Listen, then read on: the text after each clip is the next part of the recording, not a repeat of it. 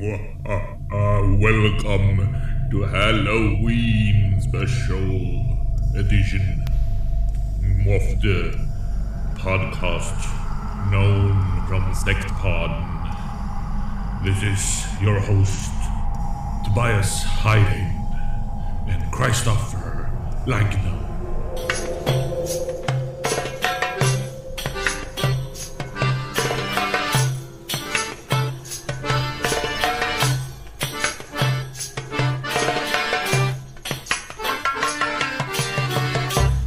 Välkommen till Dålig liturgi dödar. Din forne sektledares favoritpodd. Så är det faktiskt. Vi tackar ju ödmjukast eh, för de fina omnämningarna. Att, att, att, jag tror att, att exvangeliet kommer lite före, för exvangeliet fick bli nämnda i dagen. Ja, ja. Whatever dude. Det enda vad vi... vi låt det, lå, vet du vad, jag säger så här. Ja. Låt det gå dig till huvudet. Låt Ja. det stiga upp den här Exakt. makten du bara, det här ruset du bara känner när du hör att du blir omnämnd i en av Sveriges största poddar. Låt det bara sjunka in Tobias. Det här är vårt sätt att också säga till, till alla våra kära vänner som så här, vadå, det, som inte brukar lyssna på Dålig liturgi dödar, men lyssnar på Sektpodden och bara eh, Jag hörde på Sektpodden. De nämnde eran podd. Precis. Ja, vad kul. Har Precis. du hört, hört något på den? Nej. Nej. Men Exakt. vi har, vi har ju fått typ, på grund av Peter na- namedroppade oss där i två avsnitt så har vi fått i alla fall 800 nya lyssnare ser det ut som. Eh, om ni stannar kvar eller inte, det vet vi inte. Nej. Vi vill ju börja med att säga hej och välkomna till alla eventuella nya lyssnare. Det här är alltså Dålig liturgi dödar. Med mig, Kristoffer Lignell. Och med dig, Tobias Elof Hadin. Du är pastorsadjunkt i, i en församling i Göteborg. Vilken församling då? Ja, nej, men jag är i Kortedala församling, jag gör mitt pastorsadjunktor nu, mitt, mitt elfte prästår har jag äntligen fått. Eh, om, om det är jag som fått tummen ur eller om det är stiftet som äntligen släpper in mig, det, det förtäller inte den här podden. Eh, men äntligen gör jag mitt adjunktsår. Ja. Eh, som man normalt sett, för er som inte är inne i Svenska kyrkan, det, det gör man, det gör man liksom sitt första år som präst vanligtvis. Men inte Mm. om man har jobbat inom EFS, som ju är en inomkyrklig rörelse. Men, Precis, för du och jag är präster inom eh, EFS. Och vad är då EFS för någonting snabbt? EFS är en inomkyrklig rörelse inom Svenska kyrkan. Eh, som har funnits sedan eh, 1800-talet. Eh, och man har ibland ett mer, mer spänt förhållande till Svenska kyrkan och ibland ett mer öppet och beroende på lite vart i landet man är. Så ser det lite olika ut med den här inomkyrkligheten. Men vi är ju alltså präster då som har vigts för tjänst i Svenska kyrkan, men för att jobba i EFS, du och jag.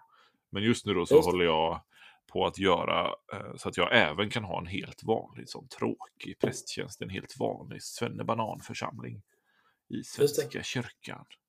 Men du, du befinner dig i vad man skulle kunna säga tidiga 2000-talets absolut hippaste pingstkyrka som präst. Eller hur är det? Mm. Mm. Ungefär så är det. Men det har hänt lite. Ja, det är en, alltså en gammal pingstförsamling som har gått, eh, gått över till EFS kan man säga. Eh, United Öresundskyrkan i Malmö. Där är jag på 50% som präst och sen så är jag kommunikatör på 30% och så målar jag ikoner och lite annat på ungefär 20%. Du bor i Lund? Jag bor i Lund och du Ja. bor i Hammarkullen. Hammarkullen Du är också med i en Göteborg. kommunitet. Jag är med i en kommunitet som heter Oikos och vi var före den här sabla tankesmedjan med högerextrema. Det får man inte säga, men det säger jag ändå. Mm. Får Du är, så, du är så fri i din tanke du. Ja. För de som är, har lyssnat på Sektpodden kan man ju säga så här. Mm. Eh, att du är lite vår motsvarighet till Rigmor Robert. Äh, ja, men alltså det, för mig är ju det, om jag, om jag har något av den karaktären, så, så är det en komplimang. Men jag tvekar. det. Jag tvekar. Två frågor. Har det hänt något sen sist? Och för andra, hur har du det med Jesus? Jag blev pappa igen, eh, kan man säga. För eh, jag fortsatte vara pappa, fast till ett barn till. För en vecka sedan Mm. så kom eh, min andra son till världen. Ehm, så det är stort. Så otroligt roligt detta. Ja, det är fantastiskt. Eh, vi, vi Mm. har faktiskt fortfarande inte lyckats bestämma ett namn. Eh, Nej. Skicka in... Nej, förresten. Det var inget. Du, hur har du det med Jesus? Eh, jag ska ta reda på det i veckan. Ja. För jag ska åka på retreat. Mm. Jag ska upp till eh, Sankt Davidsgården, berget, på några dagars retreat. Har den något tema den här retriten eller är det mer en personlig retreat bara? Eh, ja, den har ett tema som jag nu har glömt. Mm. Det är lite tråkigt. Det, det var syster Veronica som skulle ha retriten. Men hon har flyttat tillbaka till Frankrike, lite hastigt och lustigt. Så nu är det föreståndare Peder som ska ha. Det skulle handla om helgonen på något vis. Nu tror jag kanske att det fortfarande ska handla om helgonen. Jag har faktiskt inte kollat. För mig är den stora grejen att jag ska iväg på retreat. Och det ska bli så himla gött. Ja, gott. Om man vill förstå lite mer om var vi kommer ifrån och sådär så är det väl bra att lyssna från början kan man säga. Eh, De senaste avsnitten har brytit lite med vad vi tänkte att vi skulle vara. En, en podd som tar upp Mm. lite dagsaktuella ämnen i kyrkan samt går igenom liturgin utifrån liksom, ja, men ett, ett etiskt och teologiskt perspektiv. Hur, vad blir vi för slags människor när vi firar sådana här gudstjänster? Eh, för vår idé eh, bygger på att våra liturgier formar oss väldigt Mm. mycket. Mer än vad vi kanske tror. Eh, och då finns det liturgier lite överallt. Och det, det där är liksom poddens utgångspunkt någonstans. Eh, och vi kommer komma tillbaka till det Precis. ämnet. Men idag, idag har vi ett temaavsnitt om vad då, Kristoffer Lignell? Ja, men idag Tobias, Mm. idag ska vi dra, dra nytta av att det snart är alla helgons dag och det här eh, förbaskade eller välsignade Halloween. Och så ska vi ha lite temaavsnitt om ondskan, demoner inte minst. Och är det verkligen okej att hålla på och fira det? Eller vad är det egentligen vi gör?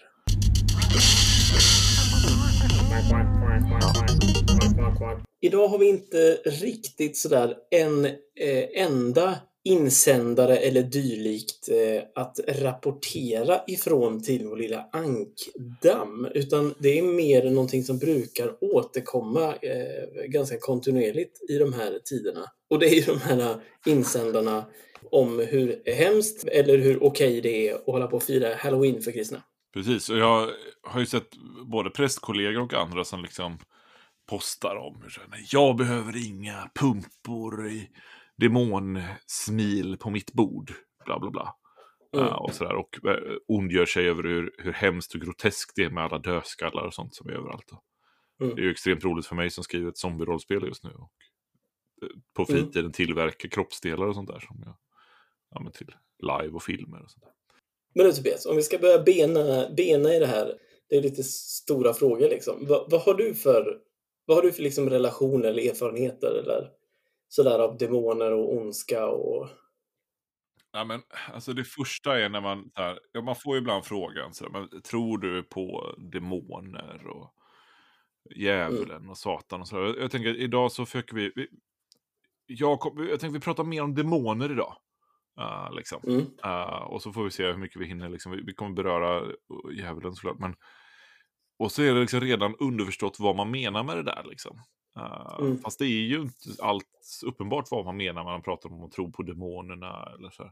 Och ska vi riktigt strikt tala kristet språk så tror vi ju verkligen inte på demonerna eller ens Nej. på Bibeln eller sådär. Utan vi tror på Gud och Jesus. Mm. Och sen kanske vi håller för sant att det finns vissa saker. Men Mm. det är liksom en annan sak då. Men, men eh, man fattar ju vad folk menar. Men någonstans där så kommer det ju en fråga. Fin, finns det mörka, onda krafter som på Mm. något sätt påverkar människan? Och, och, och sen då kan man gå åt olika håll där och göra dem mer eller mindre som helt egna personer och varelser nästan. Som liksom kan besätta och liksom i värsta skräckfilmsmaner.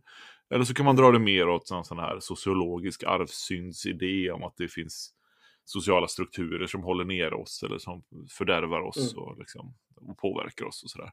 Och jag tror att det är ganska sunt att ha en ganska agnostisk hållning till det här överlag. Alltså det, det, Mm. Bibeln är inte, nu, nu kommer folk inte att hålla med, men, men Bibeln är inte så klar på vad det där handlar om. Helt plötsligt dyker demonen upp på scenen i Nya Testamentet. Mm. Eh, och från i Gamla Testamentet så talas det visserligen om onda andar här och där. Men det är ganska förvirrande vad de där onda andarna är. För i ena stunden så är de skickade från Gud. en, en ond ande från Gud för in i farao till exempel. Och såna grejer. Uh, och i den andra, eh, andra stunder så, ja men det, det är lite svårt att veta vad det är. Men helt plötsligt så kryllar det av demoner i Nya Testamentet. Jesus driver ut dem till höger och vänster. Uh, och det där ordet demon uh, på grekiska, det kommer faktiskt från liksom, grekisk mytologi. Uh, för, uh, som är demon då helt enkelt. Eller latinskt stod det väl till och med tror jag. Uh, Okej, okay. daimon är det grekiska och latinet är daimon. Ja. Uh, och det står för allt emellan för en gud, eller gudalik, eller för en kraft, eller till och med för ödet kan det användas om i, mm. i grekisk mytologi. Uh, och vanligtvis används det för liksom, krafter eller varelser eller andar som gör ärenden mellan gudarna och människorna. De för människors eh, idéer och tankar och sånt upp till Gud, eller gudarna, och gudarna sänder demonerna som slags budbärare. Alltså lite som änglarna kan ses ibland i, i vissa delar. Mm. Uh, och i grekisk mytologi kan de vara både goda och onda och mittemellan. Liksom, det är inte så att demoner är onda. Medan mm. man i, i kyrkan och i i judisk eh, tradition på Jesu tid tänker sig att demoner, då talar vi om, om någonting från, från djävulen, alltså från motsatsen till Gud på något sätt. Eller mm. Guds motståndare i alla fall. Uh, och det kommer sig från att, att den latinska översättningen av, uh, av GT började använda ordet för demoner när man talade om avgudar till exempel. Uh, mm. Så därifrån började man plocka in det. Så att, Egentligen så är det inte helt klart vad man menar i, i den antika världen. Ibland så handlar det om, om mer naturandar som finns för ett visst område. Eh, mm. Så ett visst område kan ha en demon liksom. Uh, ibland talas det om, om liksom sinnesstämningar. Uh, vad vi idag skulle tala om, om som psykisk sjukdom väldigt tydligt. Mm. Mm. Liksom. Uh, som demoner eller saker som påverkar. Ibland talas det om, om nästan demoner som det vi kallar för inspiration eller kreativitet. Att, jag tror det är Sokrates som liksom talar om att han har en demon som hjälper honom att komma på sina tankar och sådär. Mm. och då vet jag att det finns massa kristna som bara Åh, där, han erkänner att han är demonbesatt. Men han pratar mm. inte alls om det på det sättet vi menar där, utan han, han talar om det utifrån just att det är en kraft eller någonting som inte han helt styr över. Uh, så det är liksom ett, ett samlingsbegrepp i, i, antiken för det här som vi inte riktigt kan se och ta på, men ändå känna mm. av väldigt tydligt. Och det blir lite som en slasktratt kan man säga. Uh, och Nya Testamentet ger oss ingen tydlig liksom, demonologi eller så här, översikt. Det här är vad vi menar.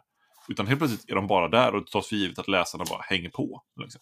Ja, men precis. Vi ska ha ett lite bibelstudie sen där vi ska se att det är, det är mycket som rör sig i det här. Ja, det, det blir spännande. Jag, jag, tänker ju att det här är ju en, en sån...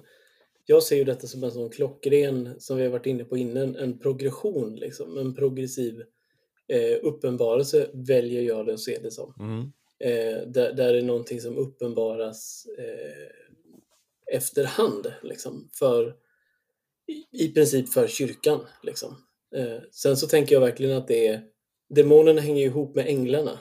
Där läste jag något jätteintressant som, som Augustinus skriver. Men då skriver han detta om änglarna, men jag tänker man kan fundera över det med, med, med demonerna också. Han säger så här, ängel betecknar funktionen, inte naturen.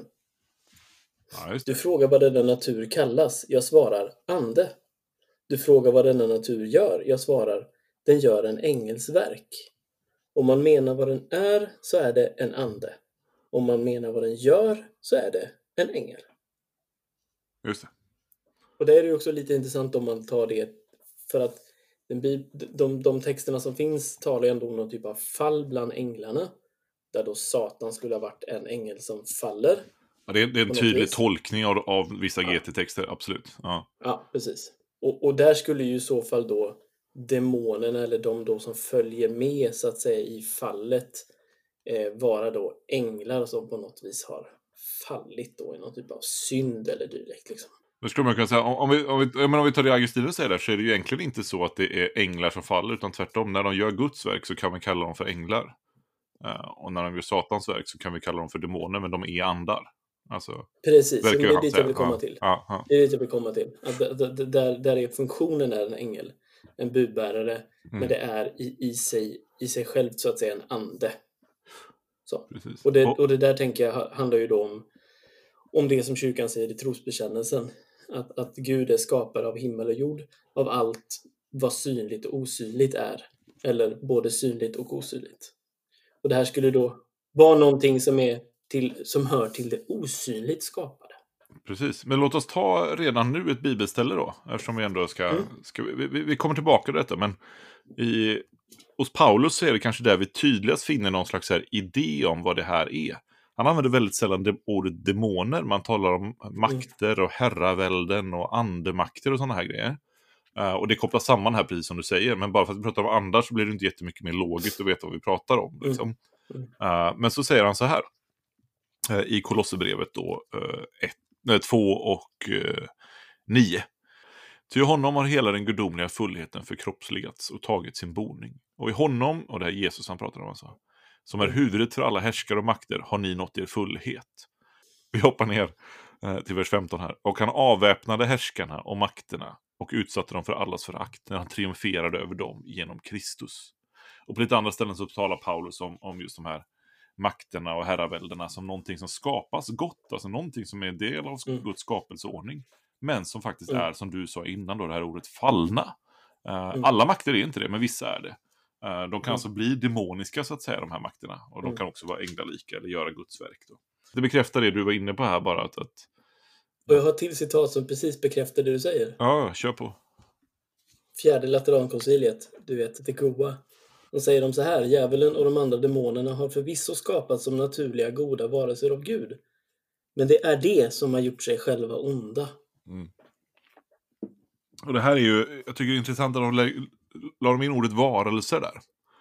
Ja. För där har man ju i kyrkans historia varit lite tveksam till att kalla dem för just varelser lite från och till.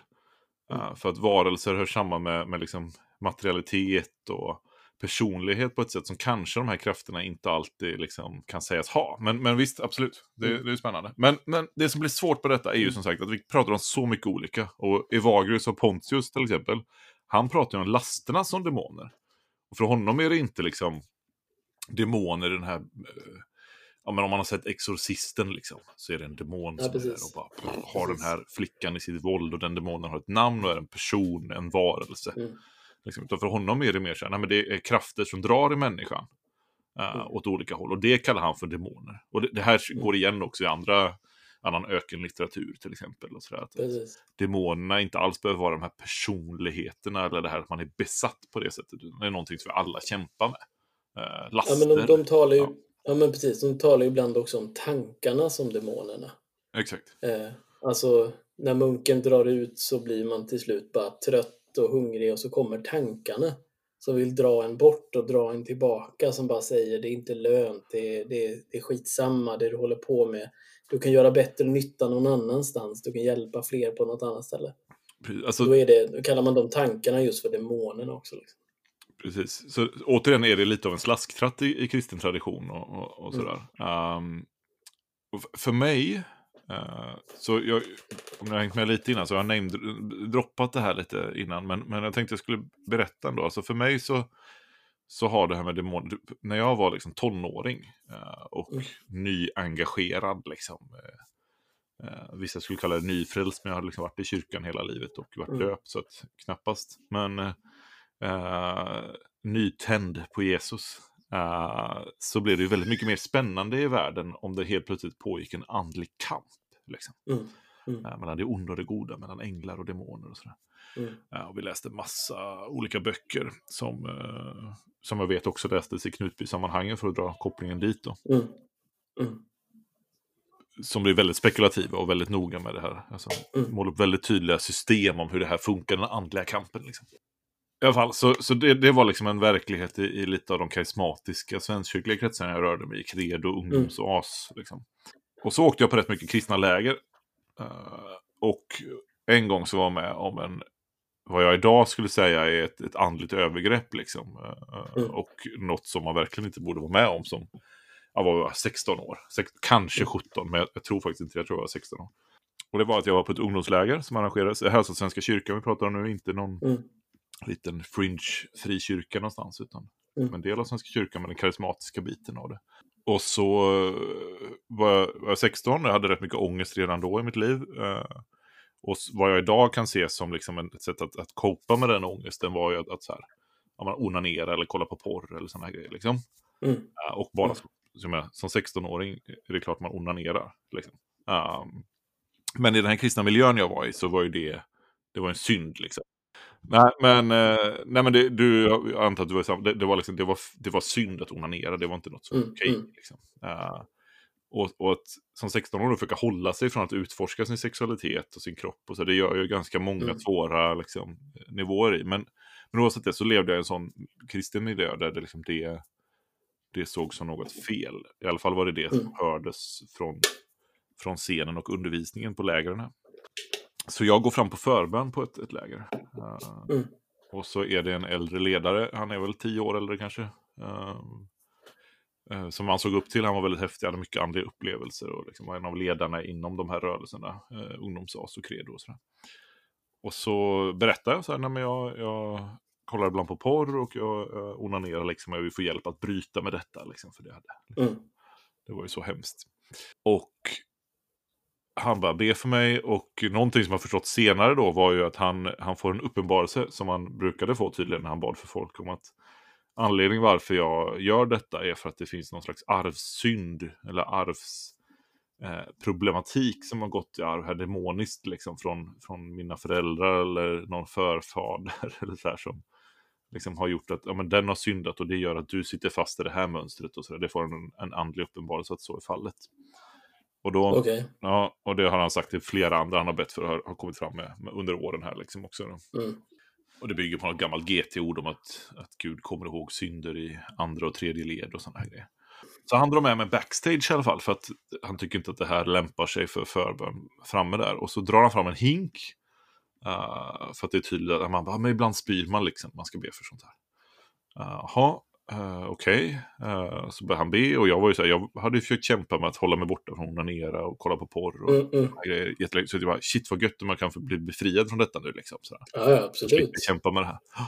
Så jag sitter där bak. Eh, jag tror att vi ändå är någon mer där bak, så jag tror inte jag är helt ensam med honom. Men, Mm. så de liksom vill att jag... Det är, det är så tydligt i hela upplägget att jag kommer spy ut den här kraften eller demonen eller påverkan. Mm. Men det kommer ju ingenting. Eh, jag Mm. harklar mig och spottar lite i den här rinken, det, det kommer liksom ingenting. Eh, och det märks att de liksom, det blir lite frustration sådär. Mm. Eh, Mm. någon gång under den här tiden när jag sitter och spottar i hinken och de ber och befaller det här att, att komma ut ur mig så, så tittar en av prästerna i, i, i oasrörelsen in.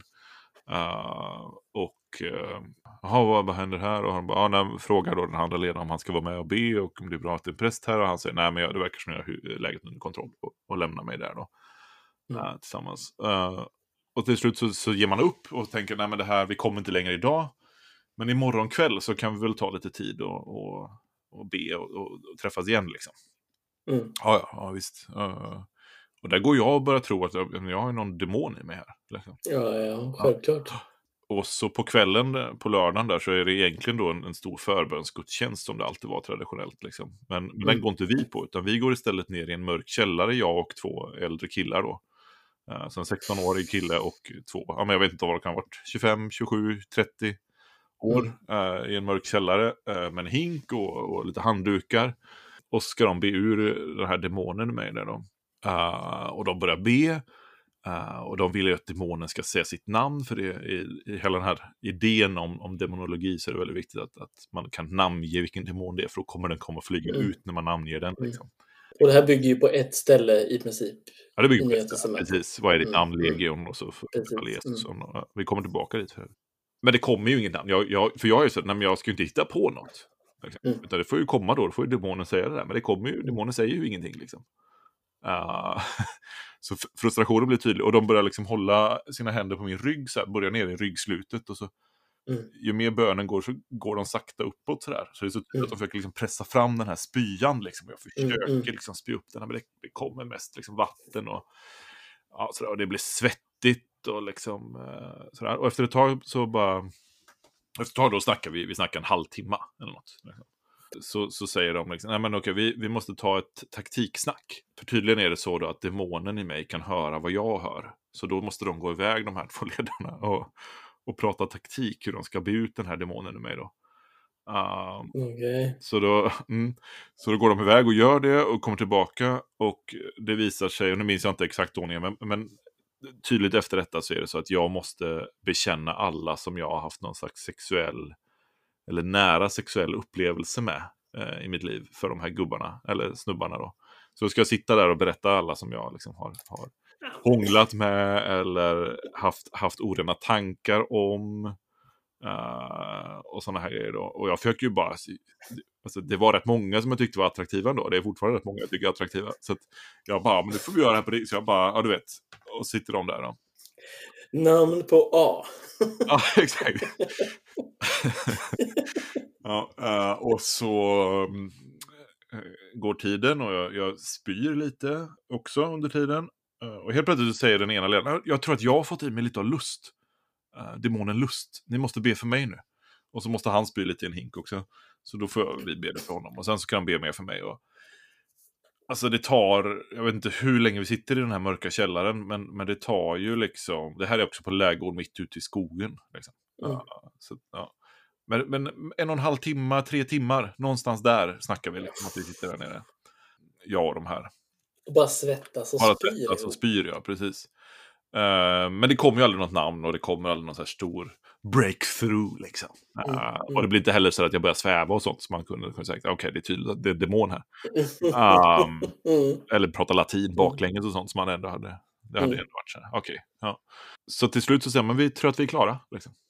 Jaha, okay, mm. ja går jag upp och ska gå in till min kompis som sitter och snackar med sina roliga vänner på läger, nej, ungdomsläger. Liksom. Jag är 16, mm, ganska mm. kul. Ja, nej, men det kan jag ju inte göra. Hela min världsuppfattning är helt så här, vad, vad hände liksom? Jag har suttit där mm. nere och, och, du vet. Så jag går och duschar och resten av lägret är ganska så, så flummigt och så åker jag hem. Och så dröjer det inte så många dagar i min vanliga vardag tills att jag eh, onanerar igen. Liksom. Uh, um, ja, av alla möjliga anledningar säkert. Uh, och då helt plötsligt blir det bara, okej, okay, demonen har kommit in i mig. Och då har de sagt mm. också att det här det bygger på ett Jesusord, att när man har blivit städat och rent och så kommer en demon in mm. igen, då blir det 10 000. Så jag bara, fuck, nu är jag så mm. jävla besatt liksom. Mm. Mm. Ja, så där blir massa ångest. Och så. Men hur det än är så börjar jag redan här glida ur lite, för det finns någonting i mig ändå som säger att men, det kanske inte är helt enkelt så här. Liksom. Även om inte den rösten är den starka så, så finns det där liksom. Uh, också kristna röster som liksom, kanske har gett mig andra perspektiv då, som jag liksom, idag mm. kan vara tacksam för, men som jag då tyckte var liberala. Mm, ja. Bra. Ja. Um, ja, så det där är ju en upplevelse som jag idag då, liksom, när jag ser tillbaka på den, ja, men inte kan namnge som något annat än ett, ett andligt övergrepp. Liksom. Mm. Uh, oavsett vad man har för syn på det här med demoner och sånt där, så, så kan man inte tänka att det är vettigt för två äldre snubbar och gå iväg ensam med en 16-årig eh, kille liksom. Och sitta och spy i ett mörkt rum liksom. Eh, nej.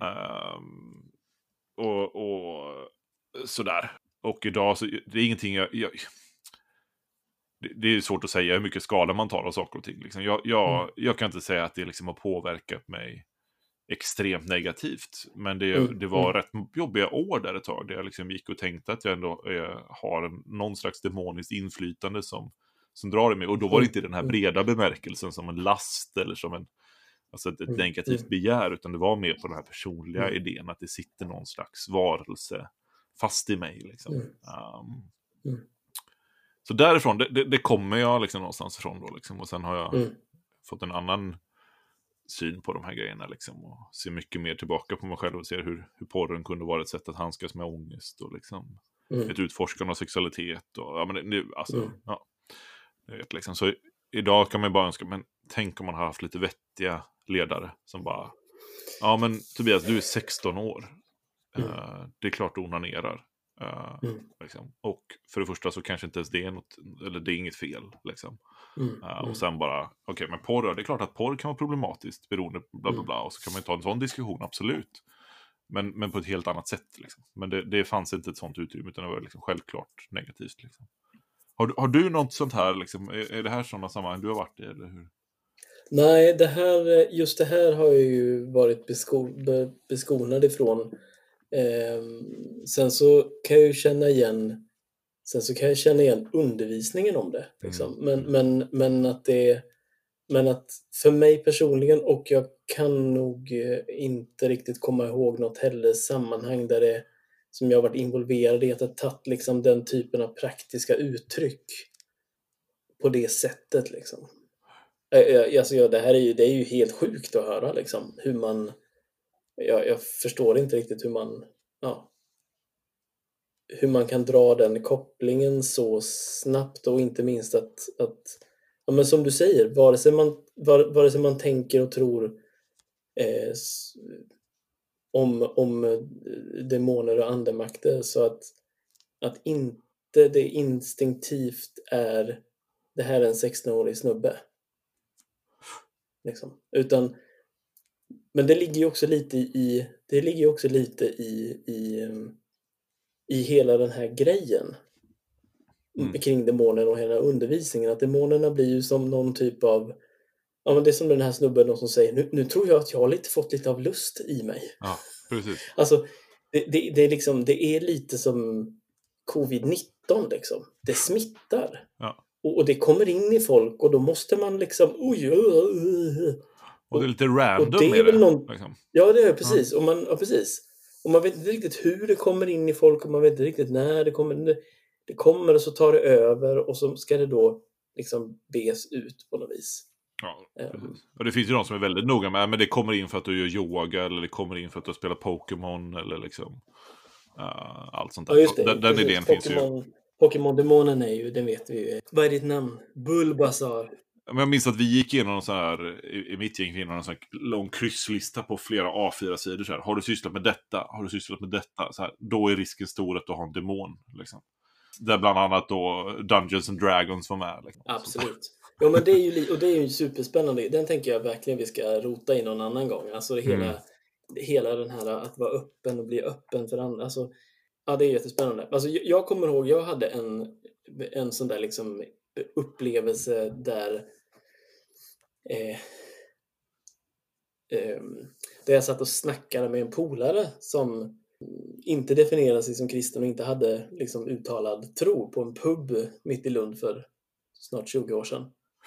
Och där vi liksom sitter och pratar, det är en fullsatt pub, superhärlig stämning. Vi sitter och pratar ganska djupa grejer och han och vi delar ganska mycket, både han och jag, om liksom jobbiga saker. Mm. Mm. Och, och, och vi märker hur det helt plötsligt, han börjar fysiskt att stamma liksom. Mm. Och, och säger det till och med till mig till slut. Så här, jag vet inte vad jag, jag, jag kan inte prata riktigt. Vad är det som händer här? Liksom. I den situationen så var det ju så här, jag, jag sa ju inte att jag vet precis vad det här är. Liksom. Men det var så Nej, fruktansvärt otäck och dålig stämning. Liksom. Ja, Men ja. min, det jag hade fått med mig någonstans eh, som satt i någon typ av ryggrad, jag var ju skitnervös, liksom, vad är det här? Det var ju så här att, att jo men det, det finns liksom. Eh, Mm. men, men att liksom Jesus har all makt över det där. Och jag behöver inte, jag behöver inte dra fram någon hink med honom liksom och bara ska vi gå ner i källaren så får du kräkas ut det här. Utan vi kan be för det. Och ber vi för det och nämner Jesu namn här så löser det sig på något Mm. typ av andligt plan. Och i det här fallet gjorde det det. Ja, Allt det ja. där stamningen försvann, all den dåliga känslan som fanns i båda, hos, hos oss båda två försvann. Och, och allt sådär. Liksom. Ja. Men jag tycker att det är, det är det här som gör att det här blir så svårt för att eh, vi- vi har både de här, det finns jättemånga berättelser tyvärr, eh, som liknar den du har. Liksom. Mm. Mm. Men sen finns det också de där berättelserna både ifrån, från bibeltexterna, från kyrkans tradition och även från idag. Som skulle kunna beskriva något som liknar det här. Liksom. Ja, Eh, och där det, inte är, men där det inte är som du säger, det är liksom inte, det är inte bara en, en känsla utan det, det faktiskt, det sätter sig liksom. Det, det, det får manif det manifesteras, så ska jag säga. Ja.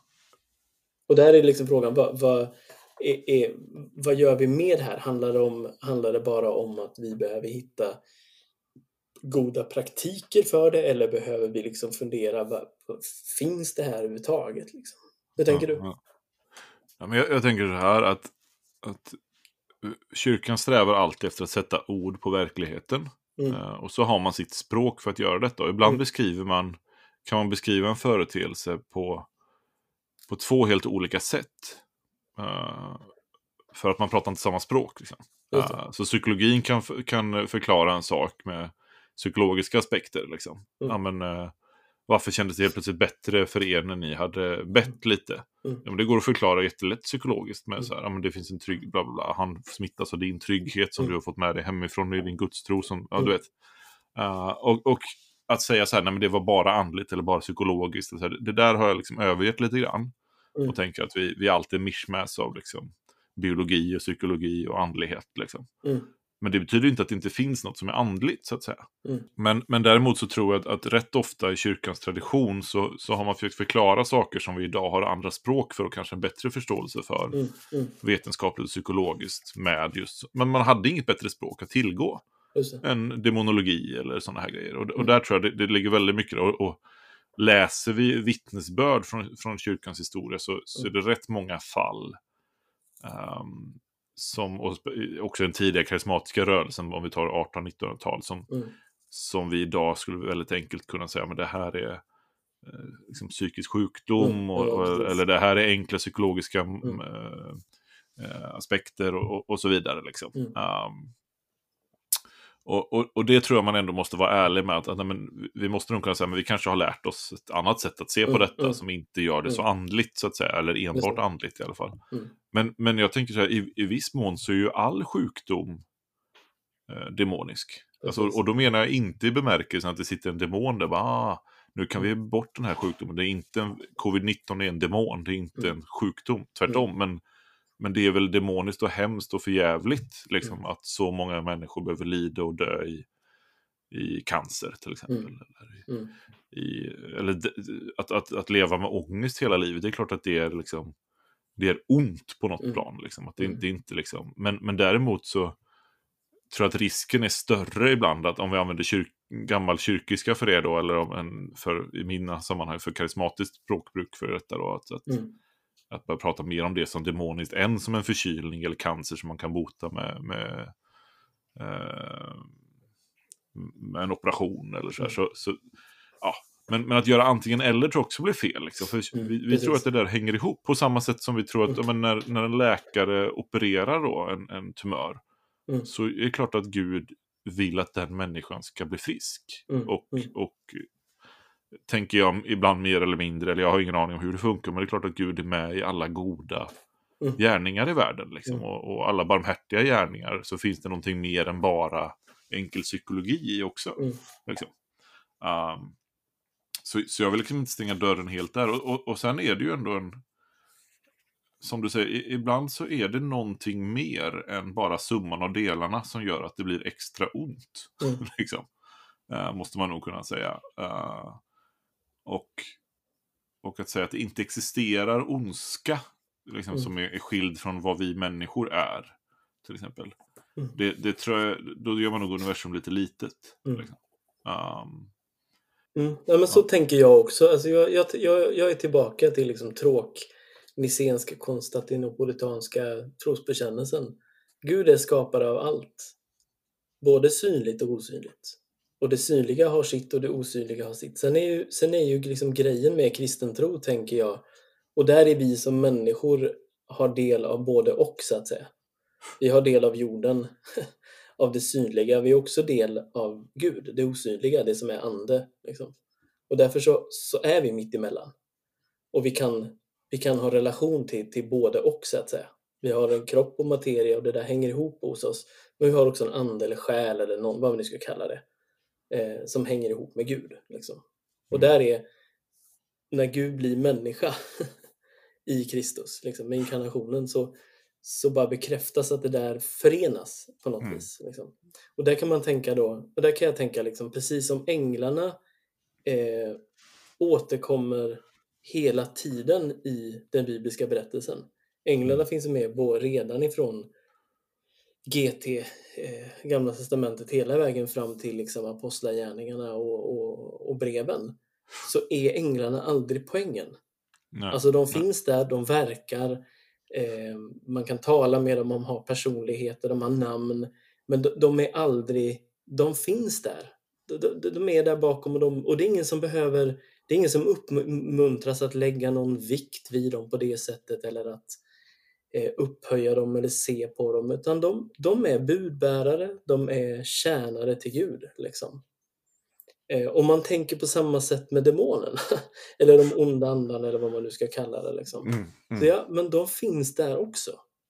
mm. Eh, men, men lika lite som en ängel, vi behöver vara beredda att, att änglar ska eh, krypa in och ta över våra kroppar, så behöver vi inte gå runt och vara rädd för demonerna. Liksom. Nej, Eh, det är klart att det finns man behöver inte bli så andlig för det. Liksom. Ett, ett missbruk exempelvis. Mm. Inte det demoniskt hos sig? Liksom. Alltså det, no, det, det kan ju verkligen vara någonting som du upplever som det här, det här tar över mig. Jag kan inte sluta dricka det, jag kan inte sluta kolla på porren, jag kan inte sluta handla på börsen. Jag måste bara ha mer och mer och mer pengar. Ja, liksom. ja. Men, men det, då, då rör man sig ändå inom den här sfären som vi var inne på. Att det handlar om, om olika sätt att beskriva verkligheten. Ja, Ja, olika visst. språk. Liksom. Precis. Uh, och då får man vara ödmjuk för vad som ligger bakom det där. Det, det vet vi inte riktigt. Nej, liksom. precis. Uh, precis. och det som är spännande med Paulus då, när man läser honom som vi var inne på, alltså när han pratar om makterna och härskarna, Mm. så gör han det i ena stunden rent politiskt, alltså om Caesar som Mm. person, liksom, Mm. eller kejsaren som person. Och andra stunden om kejsardömet som en slags andlighet. Liksom. Mm. Eh, och det är inte tydligt i Bibeln uh, hos Paulus att det finns en tydlig uppdelning där, utan det, det är Mm. både och hela tiden. Mm. Och vill man fördjupa sig i detta så finns det en, bland annat en teolog som heter Walter Wink, eh, som har skrivit en bok som heter, massa olika böcker, men det finns en bok som heter Naming the Powers, eh, som går igenom Nya Testamentet och liksom försöker så här, förstå Paulus utifrån hans tal om makterna. Liksom. Mm.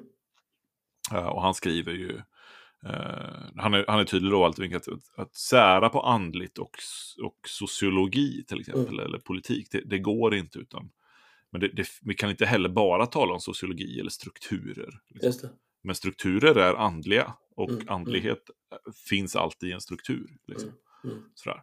Eh, och strukturen byggs upp av människor och bryts ner av människor. Men det finns också något som är större än varje summan av alla de här människorna. så att säga. Och, och där tycker jag att man kan finna ett språk som jag, jag tycker kan hjälpa oss att, att förstå ondska och makter och Mm.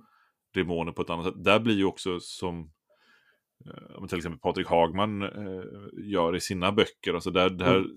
blir så tydligt hur, hur en, en fri marknadsekonomi kan vara en demonisk kraft. Mm. Liksom. Eh, eller hur, hur Coca-Cola kan vara lika demoniskt som Mm. att spela anden i glaset. Mm. Liksom. Eh, det är inte mer eller mindre andligt det ena av det. Liksom.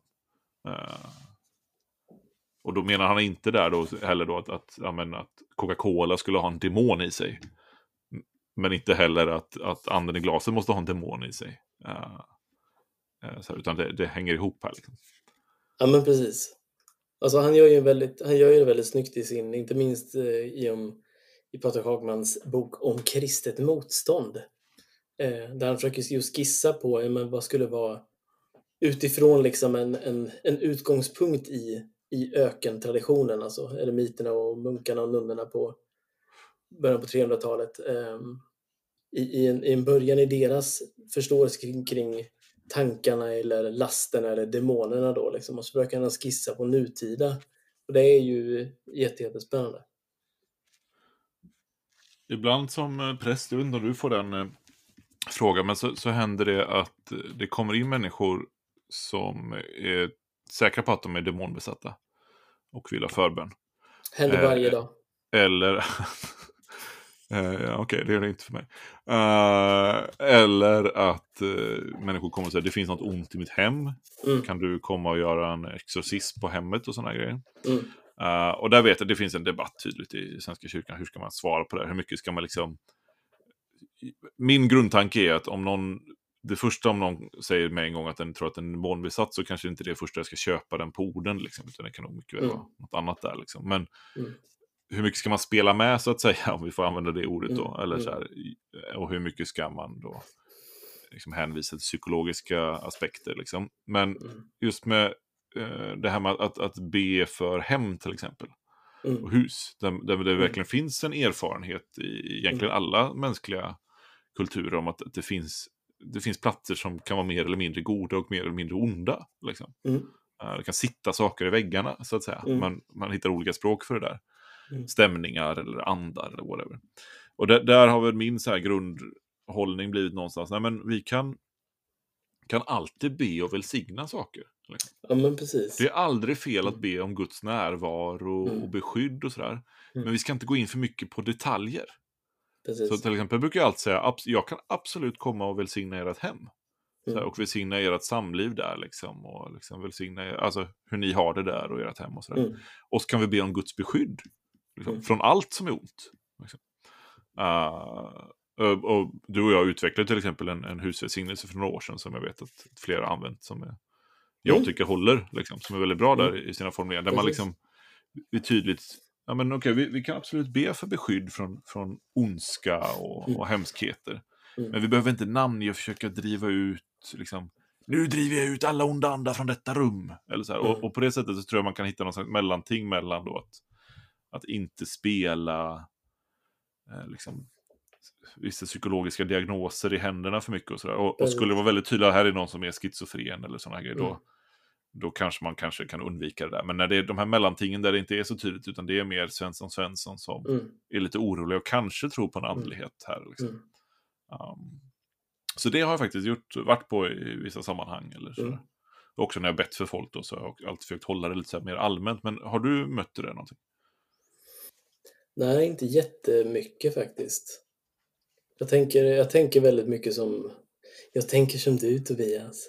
Ja, Ja, men jag, åter, jag återkommer till det liksom att det, vi behöver inte göra, vi behöver varken förminska det, vi behöver inte försöka bortförklara eller förklara heller. Men vi behöver inte göra så stor sak av det heller. Alltså det, det, det, jag tänker lite som, som 16-åriga Tobias i det där svettiga rummet med kräkhinken. Ja. Att, ja men är det här någonting? Eh, då, då, händer, då säger no, någon ett namn som jag inte själv uttalar. Då, då är Mm. det så. Mm. Och, och märker man då att men det händer ingenting eller det är nej men då, okej. Vi behöver inte ens fundera över, då, då släpper vi det liksom. Nej, men, det vi, men det vi gör är att vi, det vi gör är att vi fokuserar på Kristus. Liksom. Och vi, och vi ber att Jesus är där, vilket han är, och påminner oss själva om att Jesus är där och har all makt över all ondska. Och, och så att säga, om man, inte upplever, om man upplever att det inte funkar, då, då skulle jag fundera över om det kanske är något annat. så skulle Ja, jag, jag, jag, skulle vara väldigt enkel där. Liksom. Jag blir väldigt Vad, enkel vad menar du då? För det, det går ju, tänker jag. Ja, nej, Alltså- men det är så här, det, det är så här, om du kommer till mig och säger så här, jag tror Ja. att jag har en demon i mig. Ja. Okej, ja, då får vi väl be för det. Och ber vi för det och vi ber i Jesu namn att, att ja, du, alltså du är döpt liksom, du har en helig ande i dig, så hur ska en demon kunna komma in där? För det första skulle jag kunna tänka, men om det nu är så, jag har ingen aning. Liksom. Men om vi ber och, och påminner oss själva om att, om att Jesus är där och ber särskilt att, att var här nu Jesus. Liksom. Ja. Eh, och, och du skulle fortfarande säga nej, jag känns fortfarande som att det är en demon här. Då skulle jag, då skulle jag fundera över att vi kanske tar ett snack om hur, hur upplever du det här? Vad är det du upplever? Liksom. Ja. För att Men- min, men du- min, väldigt naiva tro är liksom någonstans att, att ber, vi, ber vi för detta och uttalar detta i Jesu namn eller gör ett korstecken eller någonting så, så har Ja. inte det onda något så mycket att sätta emot längre. Liksom. Ja. Ja, och då, då tänker jag att då är det snarare någon psykologisk diagnos eller någonting. Som, liksom. Ja, jag skulle inte behöva säga det heller, men jag skulle väl kanske snarare dra... Jag skulle, det, skulle kanske, det skulle kanske stärka min, min fundering i det. Men, men jag kan ha fel. Ja, Och det, ja. finns ju, det finns ju andra som har mer också annan typ av erfarenhet och det finns ju exorcister exempelvis. Exakt. Men jag tänker bara, det kan vara ganska viktigt att säga att, att ja, men man förekommer ju att det händer saker när man ber för mig. Men jag har ju varit på många möten där folk bara skaka, Mm, mm, bet- få grimaser och skälla som hundar och sådär när de tror att de är demonbesatta. Och. Mm. och jag tänker väldigt ofta, nej men det där är också ganska enkel psykologi, liksom. Mm. återigen då. Eh, utan att för, försöka dela upp det för mycket. Liksom. Och jag tror ändå man ska vara ganska försiktig här med att man kan också spela Eh, vissa diagnoser i händerna så att säga. Och, och, sådär, och, och utifrån det eh, ändå ja, men var, eh, var på försiktiga sidan. Och, och där är vi ändå, katolska kyrkan är ju, nu, nu vet jag inte riktigt hur mycket jag köper hela deras idé om demonologi och sådär för det. Men, men de är ju väl ändå återhållsamma med vilka som får driva ut demoner så att säga. Och man måste be biskopen om tillåtelse för att göra en exorcism. Och det finns ganska tydliga sådana här ja, men idéer om att, att, vi ska, vi ska skriva av massa andra möjligheter innan vi gör detta. Liksom. Alltså de talar, de talar ju som vi gör, om, de talar ju om två exorcismer. Ja, Och den första exorcismen är ju den som sker i dopet. Och den har vi ju kvar i Svenska kyrkans liturgi. Det som idag kallas befrielsebönen. Alltså befria, befria Vännen Tobias från allt mörkrets makt. Ja. Ja, precis. Mm. Eh, och- sådär. Men sen så står det ju så här, sen finns det då det de kallar den högtidliga exorcismen, eller den stora exorcismen. Kan bara utföras av en präst med biskopens tillstånd. Man ska använda sig av den klokhet och strängt hålla sig till de regler som upprättats av kyrkan. Exorcismen har som mål att driva ut demoner och befria från demoners besatthet genom den andliga myndighet som Kristus givit sin kyrka. En helt annan sak är när det rör sig om sjukdomar, framförallt av psykisk art, som är den medicinska vetenskapens sak att ta sig an. Om man till, innan man tillgriper exorcism är det alltså viktigt att försäkra sig om att det handlar om den ondes närvaro och inte om en sjukdom. Och då Precis. finns det liksom ganska, först och främst finns det utbildningar i katolska kyrkan. Eh, och för det andra så finns det då liksom väldigt tydliga regler som kyrkan har. Jag, jag håller helt med. Jag såg, jag såg någon dokumentär för några år sedan om, om just det här demonbesatta i Polen eller vad det var någonstans. och där, där liksom bygger man ju upp det byggs ju upp någon, någon liksom, ja men just det där, där, där kom det verkligen horder av folk. Liksom. Och, och, men efter ett tag så märkte man, varför är det typ bara kvinnor i en viss ålder som har ett visst förflutet liksom, som kommer? Okej. Eh, vissa av dem upplevde ju ingenting, andra upplevde att de blev hjälpta. Liksom. Mm, mm. Det som var jobbigt med det var ju att det var ju inte präster med biskopens tillstånd som höll på med de där mötena utan var ju någon typ av karismatiskt frifräseri liksom, också. Fast även inom katolska kyrkan förekommer Jo, ju jo, de frifräseri. Ja, absolut. precis. Ja, men det ska ju Absolut. sägas det att, Jo, bara för att man ja, har den här nej. ordningen så... Nej, nej. Det finns Nej, till exempel, jag tror det på, på Netflix finns det en dokumentär som heter The Devil and Father Amroth eller något sånt där. Ja, just det. som Just det. sägs vara en, en riktigt filmad exorcism då. Ja. Uh, uh, och jag har ingen aning om han har, har biskopens tillåtelse för att göra det där. Och han är en ganska omdiskuterad Mm. person inom katolska kyrkan då, för att Mm. han har varit, gjort, skrivit mycket böcker om exorcism och sådana grejer. Mm. Men, men eh, den kan man ju se om man, om man pallar sånt. Men, men även där så, så måste jag säga att jag går därifrån med en, en känsla av tveksamhet Mm. inför ehm, att, att ja, men hur, hur vettigt är det här? Mm. Liksom. Ehm, och, och det som är så spännande med, med när, när Jesus gör exorcismen, nu har vi inte så mycket tid kvar, men, men jag tänker när, när han driver ut till exempel svinen, Mm. eh, inte han driver ut svinen, han driver ut eh, legionen i, i svinen, Mm. så gör han det i ett område som är, är ockuperat av romerska Mm. eh, krafter, eh, där den tionde legionen var posterad. Mm. Den tionde legionen, vad hade de för symbol? Jo, ett svin eh, Mm. som på sina baner liksom. Mm. Eh, och vad heter demonen? Jo, den heter legion. Mm. Eh, och det är en man som är, eh, lever bland gravarna. Mm. Och de har också svin i det här området som sin, sin näringsverksamhet. Och Mm. I Jesaja finns det ett bibelord om, om hedningarna som, som lever bland gravarna och äter svinkött. Liksom. Mm. Och det finns väldigt mycket så här. Här är både symbolik och Mm. exegetik och har det här hänt på riktigt? Har det inte hänt? Mm. Vi har också paralleller till hur, romarna hade dränkt massa jud, judiska upprorsmakare i, i floderna runt där. Mm. Eh, och helt plötsligt så är det likt faraos armé då, de, de Mm. som dränker sig själva. Och, Mm. Så att, och här kan man då ställa sig frågan, ja, men är det bara symbolik? Är det här en berättelse som Markus hittar på Mm. eh, för att beskriva Jesus teologiskt? Som någon slags antiromersk liksom, revolutionär? Mm.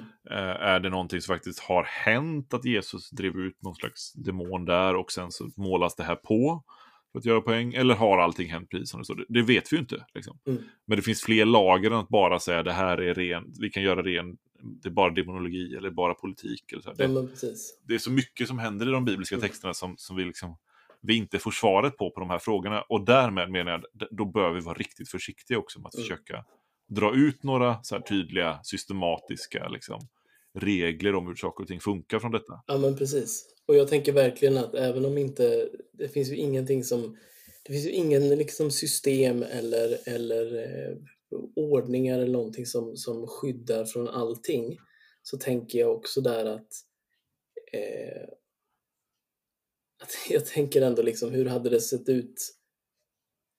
Hade det kunnat blivit hjälpt för dig och för många andra om det hade varit så att den här personen som sa till dig att vi behöver nog gå ner i källaren och be Mm. hade gått till sin präst som med biskopens tillstånd hade varit med och hade liksom oj, tror du verkligen att det är en demon? Oj då.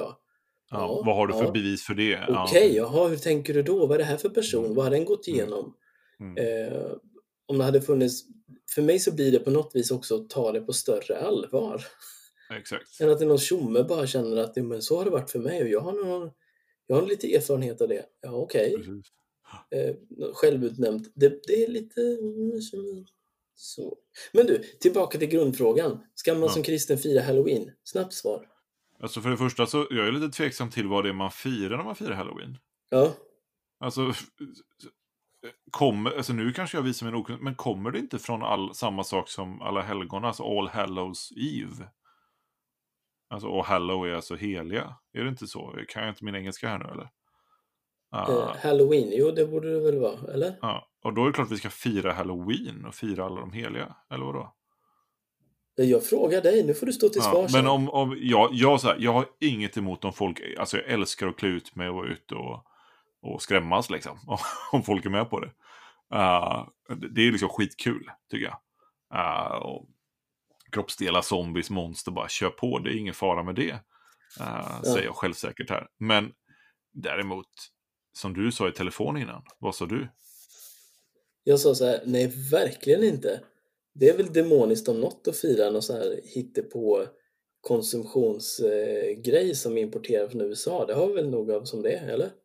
Precis, om det finns någon demonisk kraft i den här högtiden så är det nog snarare kapitalismens och girighetens eh, demon. Liksom.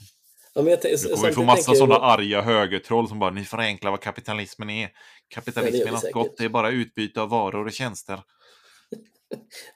Eh, eh, kanske det.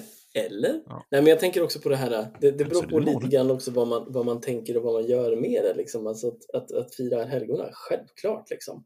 Ehm, jag tänker också på det här, på det här perspektivet av att eh, liksom våga sätta ord på, våga leka, våga latcha med det som, som skrämmer oss. Liksom. Ja, exakt. Att, att som, som kristen är det någonting man kan göra så är det väl att spöka ut sig. Eh, för, att det har, för att det är ju ingenting. Alltså, Kristus har segrat. Kristus Ja, har vunnit över allt det här. visst. Så varför inte bara förlöjliga det genom att klä ut sig till löjliga spöken och säga så här. Satan kommer nog inte komma till oss som en, liksom, ett monster. Han har nog mer makt genom att komma till oss som vadå? Jo, en ljusets ängel.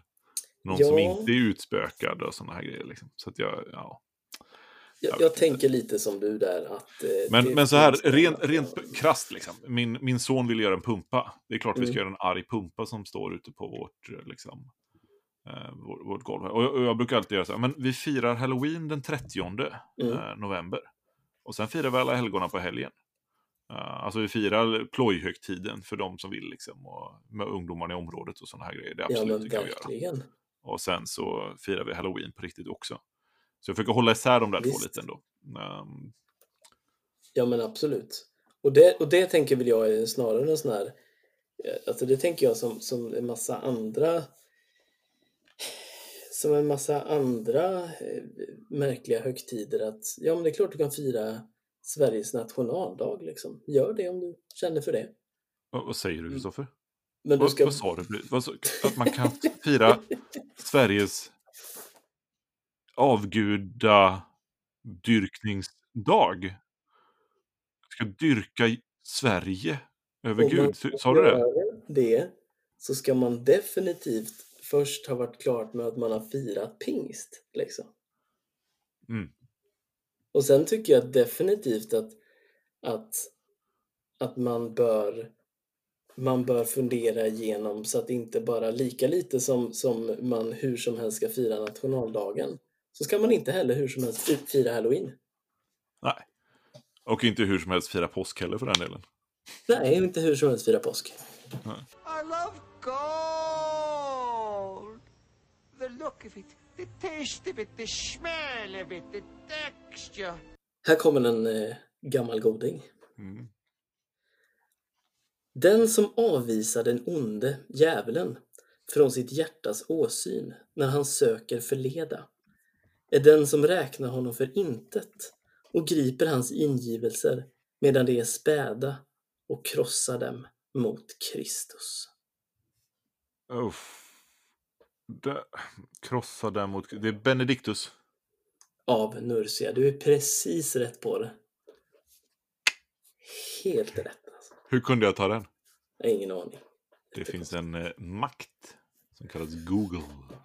Jag googlade formuleringen precis när du sa den och fick upp The den. Google power. Google power. Tobias, vad gör vi nästa gång? Nej men så här va. Topp eh, tre skräckfilmer att kolla in i Halloween om man vill se på skräck. Okej. Och Det är- Kristoffer Lignell, du får en träning av mig. Okej. Till nästa gång vi ses så Ja. ska du ha kollat in en av dessa tre filmer. Ja. Och har spelat in lite ljud från när du kollar in. För Kristoffer kollar aldrig på skräckfilm. Nej, jag kollar Ja. sällan mycket på skräckfilm. Men eh, det här då, det kan... Ja, det är inte tre topp alla tider, men tre bra filmer. Eh, Ja. Remaken på Evil Dead från 2011 eller 2013. Bara Evil Dead. Den, den kan du kolla Ja. på. Ja. The Thing, och inte den från 2011 utan den tidigare. The Thing, en klassiker Mhm. från 80-talet.